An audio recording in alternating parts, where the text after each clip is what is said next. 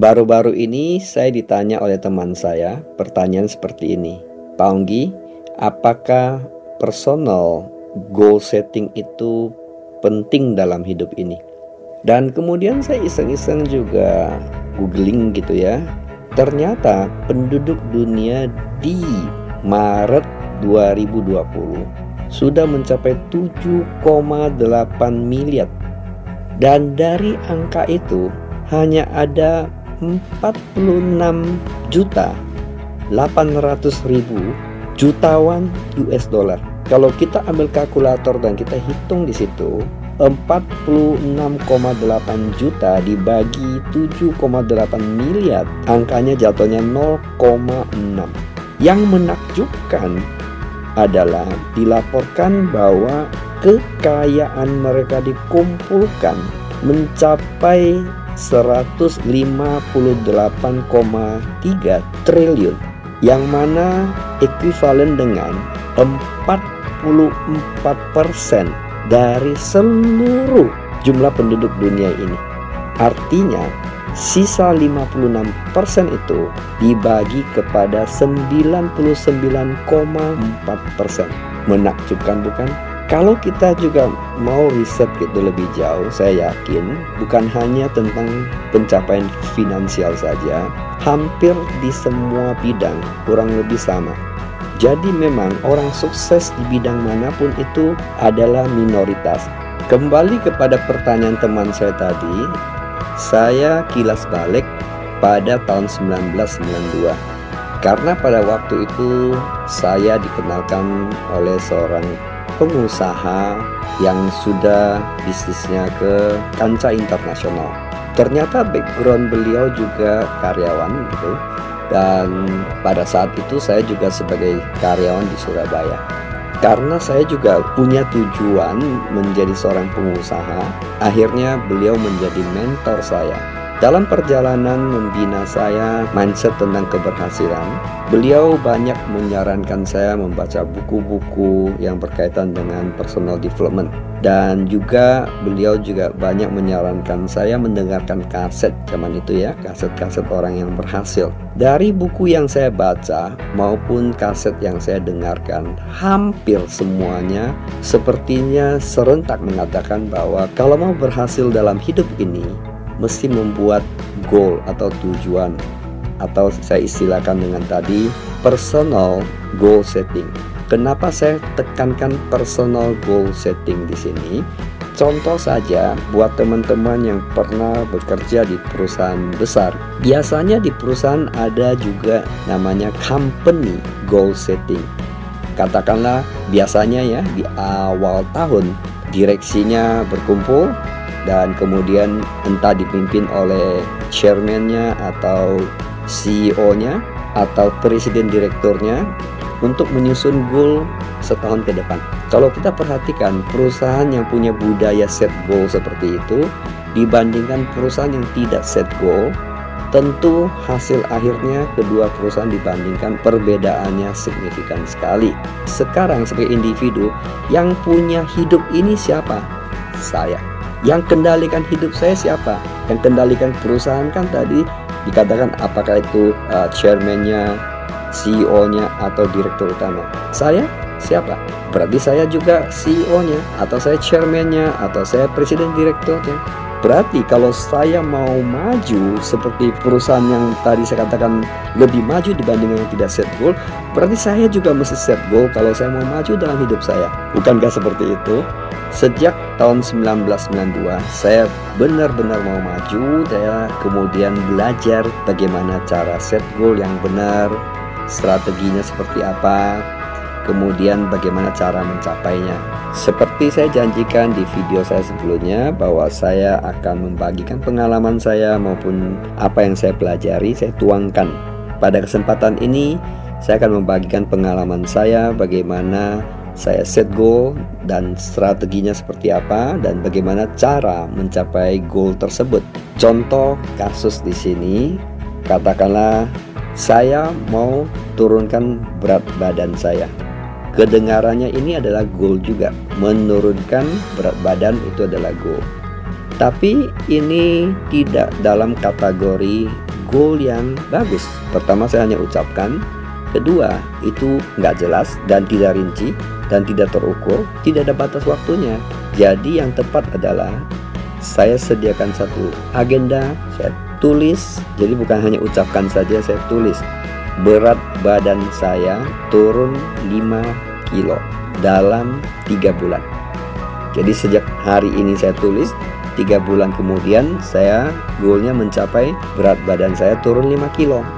Nah kalau ini dikatakan bagus, kenapa? Karena tertulis di agenda saya. Kemudian jelas dan spesifik 5 kilo 5 kilo dalam 3 bulan terjangkau ada batas waktu 3 bulan dan bagaimana kalau saya tulis seperti ini?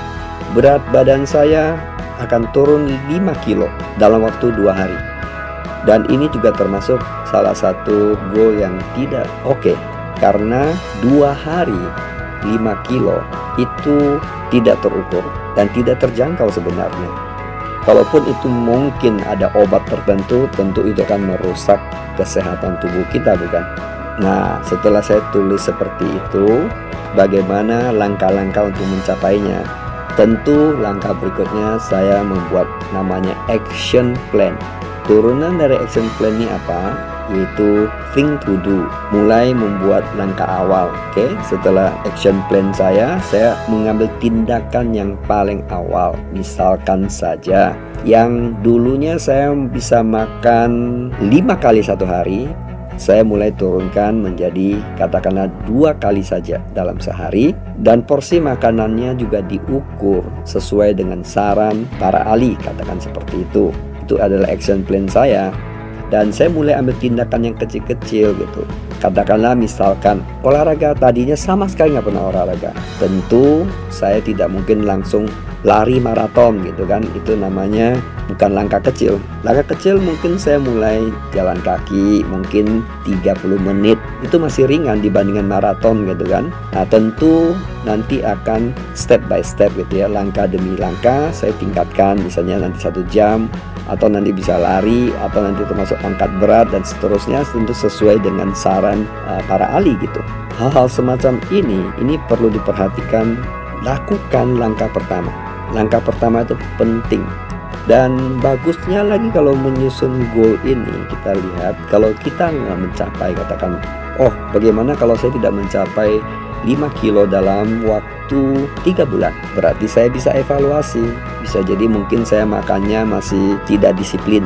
Mungkin juga saya nggak olahraga. Mungkin juga tidur saya nggak teratur. Pokoknya berkaitan dengan turun berat badan saya sudah tidak jalankan Berarti saya evaluasi dan saya perbaikinya lagi Di situlah kelebihan kalau kita punya goal dibandingkan tidak punya Karena ada barometer saya untuk mengukur gitu Strategi saya apalagi? Tentu dengan adanya goal ini saya ada prioritaskan tindakan saya sehari-hari sesuai nggak dengan goal saya. Jadi di sini juga melibatkan disiplin diri dan juga fokus. Fokus artinya apa? Bisa jadi setiap pagi bangun yang saya buka adalah agenda saya. Kemudian think to do gitu kan. Dan kemudian saya terus mengatakan pada saya 5 kilo, 5 kilo, 5 kilo, turun 5 kilo. Karena dengan mengucapkan begitu, kita lagi memprogram ke subconscious mind kita akan bertindak juga. Ini strategi tidak semua orang terapkannya. Dan strategi yang lain juga bisa kita belajar dari orang-orang yang telah berhasil turun 5 kilo dalam waktu 3 bulan. Tentu juga kita follow through terus dengan kita punya goal ini gitu. Katakanlah seminggu atau sebulan kita evaluasi dan yang menarik pada saat kita menjalankan goal itu biasanya pasti ada juga tantangan gitu ya, halangan.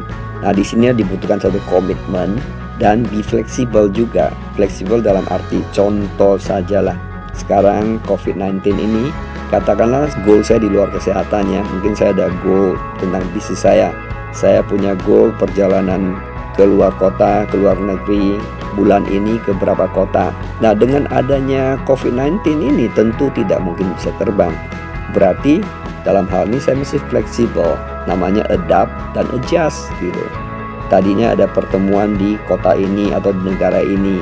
Sekarang bisa di set melalui Zoom meeting. Ini namanya adjust, adapt, dan inovatif gitu. Yang penting tujuan awalnya tetap ke situ, kembali mencapai target saya apa gitu. Jadi saya tingkatkan Zoom meetingnya, katakanlah seperti itu. Dalam hal ini komunitas juga penting gitu ya. Misalnya kalau saya tadi mau turunkan berat badan, saya kumpul dengan orang-orang yang fokusnya turunkan berat badan gitu. Tidak mungkin saya kumpul sama orang-orang yang nggak peduli asal makan. Ya akibatnya saya bisa terkontaminasi dengan cara berpikir mereka karena kadang-kadang bisa terpengaruh juga dengan cara mereka mengatakan bahwa ngapain sih hidup satu kali nikmati saja dan sebagainya ya dalam hal ini tidak ada benar tidak ada salah kembali kepada keputusan masing-masing gitu ya kemudian strategi saya gitu ya strategi yang saya pernah terapkan dan saya tetap terapkan setiap pencapaian goal saya yang kecil-kecil, saya kasih reward penghargaan.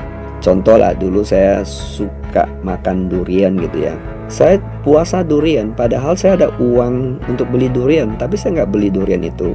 Karena saya mau latih disiplin saya dan saya mau kasih reward kepada pencapaian saya. Jadi rewardnya apa? Apabila saya mencapai. Nah akhirnya saya akan memotivasi saya untuk mencapainya kan dan pada saat capai, yes, saya makan durian. Nah ini contoh sederhana seperti ini. Anda mungkin bisa yang berbeda-beda gitu kan.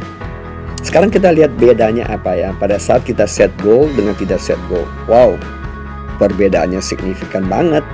Kenapa begitu? Karena kalau kita ada goal, bangun pagi itu bergairah gitu. Hari ini kita langsung buka agenda, oh ini kerjakan ini, kerjakan ini, sesuai dengan goal kita. Nah pada saat agendanya jelas, itu energinya beda dan kita lebih fokus. Dan kemudian belajar disiplin tadi, kemudian belajar komitmen. Jadi ternyata hanya satu kebiasaan goal ini bisa memberi dampak aspek-aspek saya yang lain dan ini adalah satu latihan yang luar biasa tapi menariknya lagi, pada saat kita mencapai satu goal, itu mencapai namanya momentum.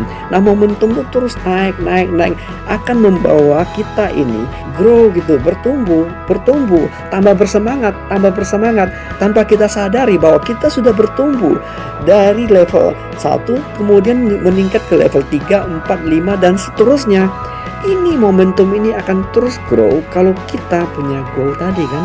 Dengan demikian, kita hidupnya lebih produktif gitu.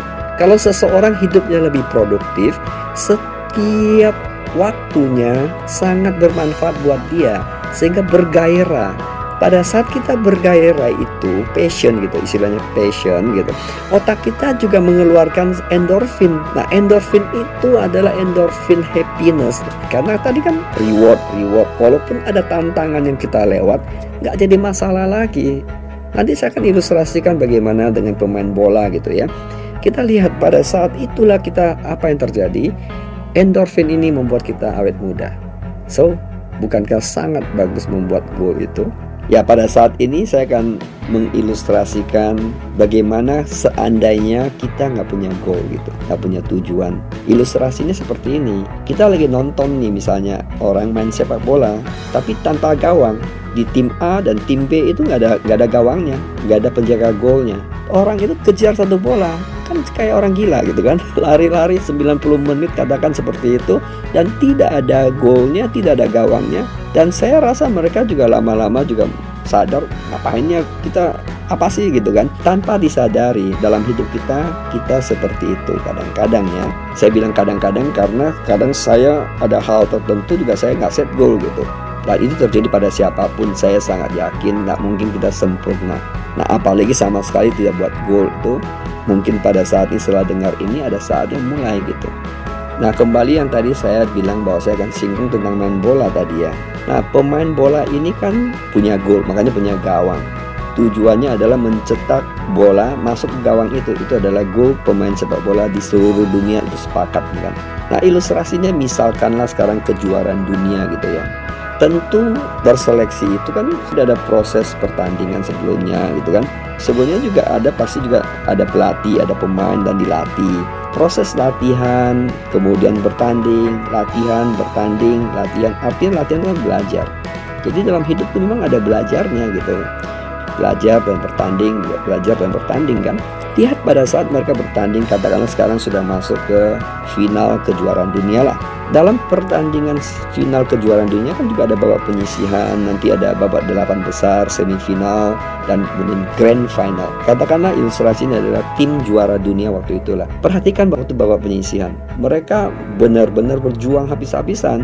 Pemainnya jatuh bangun, jatuh bangun. Kadang-kadang pelatihnya bisa di samping lapangan bisa tunjuk-tunjuk, oh teriak-teriak begitu. Pelatihnya juga fokus, pemainnya juga fokus. Di situ kita lihat kenapa kan pelatihnya fokus karena dia hampir tidak pernah duduk duduk di kursi cadangan situ. Ada pelatih yang antusias, mereka berdiri uh, memberi petunjuk arahan pada pemainnya. Nah, kita lihat di situ namanya fokus gitu. Misalnya grand final gitu, tim A gitu. Golnya cuma satu. Pokoknya kita cetak satu kosong cukup. Kita sudah juara dunia. Satu kosong. Jadi gol mereka satu kosong. Jadi semua pemainnya fokus kepada satu kosong. Kan tidak mungkin dalam pertandingan itu ada satu pemain bilang gitu ah saya mau leha dulu ah minum kopi keluar lapangan sebentar kalian main dulu deh. Tak mungkin kan? Nah di sini juga dalam kenyataan hidup begitu kan kalau kita sudah punya gol kan fokus pada gol itu. Contoh tadi misalnya ada satu leha-leha bagaimana kalau satu tim ada lima orang leha-leha? Apa yang terjadi? Berarti ada enam pemain lawan 11 pemain. Ya dipastikan gawang yang jebol Hal ini sering terjadi. Yang terjadi adalah 01 bukan 10. Contoh COVID-19 ini berapa banyak gawang orang jebol dalam finansial gitu. Lantas ada yang bilang hidup ini kejam. Sebenarnya bukan hidup ini kejam. Yang ada adalah kita kurang berantisipasi. Seandainya kalau kita antisipasi, nggak masalah. Karena ternyata juga persentasi orang yang tidak ada masalah dengan COVID-19 ini juga ada. Nah, kenapa bisa begitu? Pernahkah ini pertanyaan muncul di benak kita? Nah, kembali lagi dengan tim A tadi ya, benar-benar sudah punya goal untuk mencetak satu gol gitu ya. Dalam pertandingan itu kadang-kadang kita lihat keras banget, pemainnya jatuh, bangun, jatuh, bangun, serang lagi, jatuh, bangun, sering luka-luka gitu ya. Kadang mesti cedera, kadang mesti kesakitan, tapi setelah itu bangkit lagi, main lagi. Dan kadang-kadang pun sempat ditandu keluar lapangan oleh tim dokter datang periksa dan disemprot obat tertentu setelah itu mereka kembali ke lapangan bertanding lagi dan bertanding lagi dan terus menyerang, terus menyerang, terus menyerang, terus menyerang. Go! Penonton pun yeah! Mungkin penonton di seluruh dunia pun ikut teriak yes! Goal! Perhatikan tidak pada saat pertandingan itu sering juga ada tim yang mainnya kurang oke okay, atau pemain yang kurang oke okay. juga diteriakin penonton. Woo! Woo! Tapi juga ada pemain yang yes, yes, you can do it, you can do it, you can do it, yes, yes, yes. Kemudian menggiring bola, yes, yes, yes, go! Dan satu kosong timnya juara. Dan semua penonton berdiri memberikan namanya standing ovation. Yes, you are the champion. You are the winner. Selamat menyusun gol dan jadilah pemenang. Sampai ketemu di sharing saya yang berikut.